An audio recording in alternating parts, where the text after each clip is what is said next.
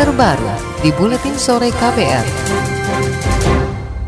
Saudara, di tengah perayaan Natal yang berlangsung aman dan damai, masih banyak utang penuntasan kasus diskriminasi berupa pembatasan hak beribadah. Beberapa kasus pelanggaran kebebasan beribadah yang mencuat hingga sekarang, di antaranya penyegelan Gereja Kristen Indonesia GKI Yasmin di Bogor, HKBP Philadelphia Bekasi, Gereja Pantai Kosta Bantul Yogyakarta. Adapun yang terbaru adalah pelarangan ibadah Natal di Sijunjung dan Darmasraya, Sumatera Barat. Kasus-kasus diskriminasi ini menjadi perhatian Uskup Agung Jakarta Ignatius Suharyo. Menurutnya, pemenuhan hak konstitusional kelompok minoritas seperti umat Nasrani masih menjadi cita-cita. Suharyo mendorong pemerintah segera mentuntaskan kasus-kasus intoleransi tersebut melalui dialog. Jadi lebih cenderung untuk melihat dari segi positif.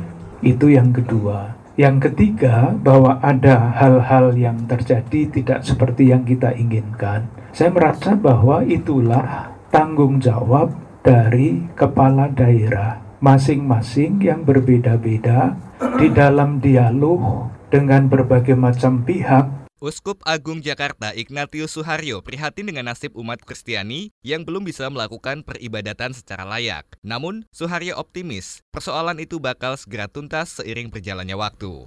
Saudara Jemaat GKI Yasmin dan HKBP Philadelphia kembali menggelar ibadah Natal di seberang Istana Merdeka, Jakarta. Ratusan jemaat tersebut dilanggar kebebasan beribadahnya karena gereja masih disegel. Untuk mengetahui situasi terkini, kita sudah terhubung dengan jurnalis KBR Heru Haitami yang langsung berada di Istana Negara. Heru.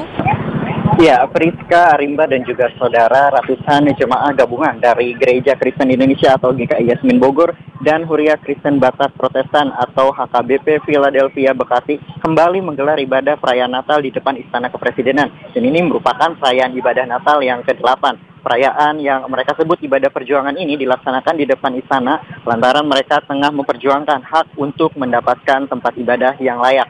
Koordinator pelaksana ibadah Jemaah GKI Yasmin dan HKBP Philadelphia Jaya di Damanik mengatakan ibadah yang dilaksanakan di depan istana ini bertujuan untuk memenuhi daripada hak jemaah GKI Yasmin maupun dari HKBP Philadelphia yang hingga saat ini mereka belum mendapatkan akses ibadah di gereja mereka masing-masing. Dari pelaksanaan ibadah tersebut, para jemaah berharap pemerintah bisa menyadari bahwa masih ada warga negara yang saat ini haknya untuk beribadah masih terabaikan.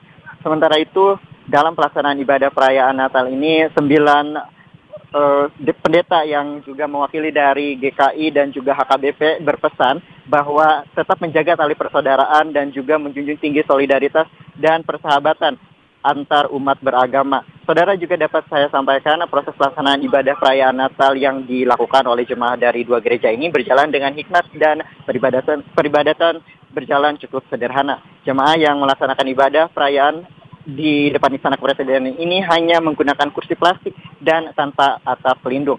Meski demikian, hal ini tidak mengurangi kehidmatan dan juga tidak menyurutkan semangat mereka untuk beribadah. Demikian dari kawasan Monumen Nasional depan Istana Kepresidenan Jakarta, Heru Hetami melaporkan.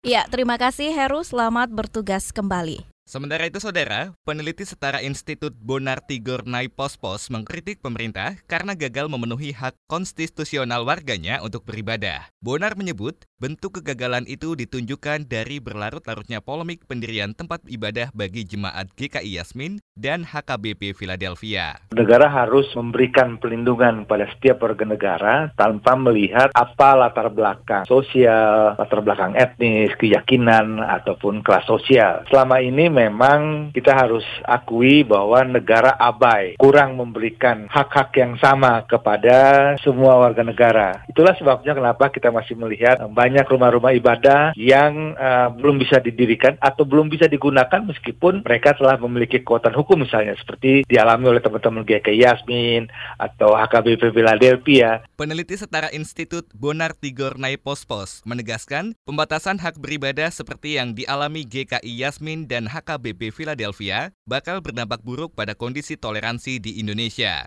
Persoalan itu masih menjadi pekerjaan rumah yang wajib diselesaikan pemerintah. Kata dia, negara harus segera menyudahi ketidakadilan terhadap kelompok minoritas. Sementara itu, Saudara Kementerian Agama mengklaim pemerintah sudah berupaya maksimal memenuhi kebebasan beribadah tiap warga termasuk dalam perayaan Natal. Pejabat Bimas Agama dan Layanan Keagamaan Kemenak Muharram Marzuki mengatakan, lembaganya bersama pemerintah daerah juga terus mencari penyelesaian atas kasus-kasus intoleran seperti yang dialami GKI Yasmin dan HKBP Philadelphia. Bagi masyarakat jemaat Yasmin itu sudah ada gereja di Jalan Pengadilan di Bogor itu. Jadi silakan saja kita menggunakan hak kita rumah ibadah itu baik, tetapi memang jangan menjadikan agama ini sebagai alat politik yang kita kita harapkan silakan saja kita beribadah sesuai dengan keyakinan agama kita masing-masing.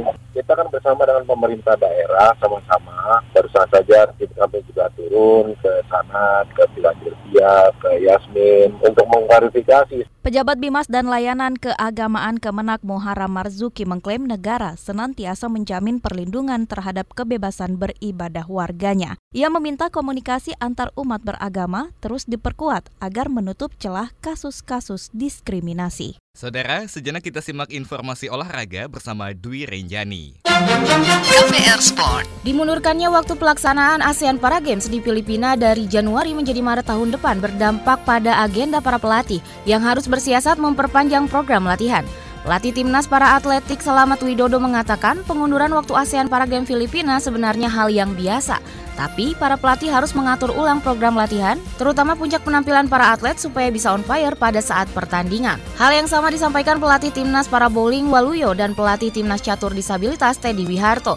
Keduanya menyebut saat ini sedang dilaksanakan program khusus yaitu pelatihan teknik. KPR Sport. Valentino Rossi menyatakan perjalanan karirnya di trek balap sangat bergantung pada hasil MotoGP tahun depan depan. Apalagi musim depan merupakan tahun terakhir ia mengikat kontrak bersama Yamaha. Musim ini Rossi gagal mencetak hasil impresif. The Doctor hanya mampu finish di posisi ketujuh klasemen dan menjadi catatan terburuk sepanjang karirnya. Pantaslah kalau Rossi bertekad memperbaiki penampilannya pada MotoGP tahun depan. The Doctor tidak mau menutup karir ngegaspolnya bersama Yamaha dengan prestasi biasa-biasa saja. KPR Sport.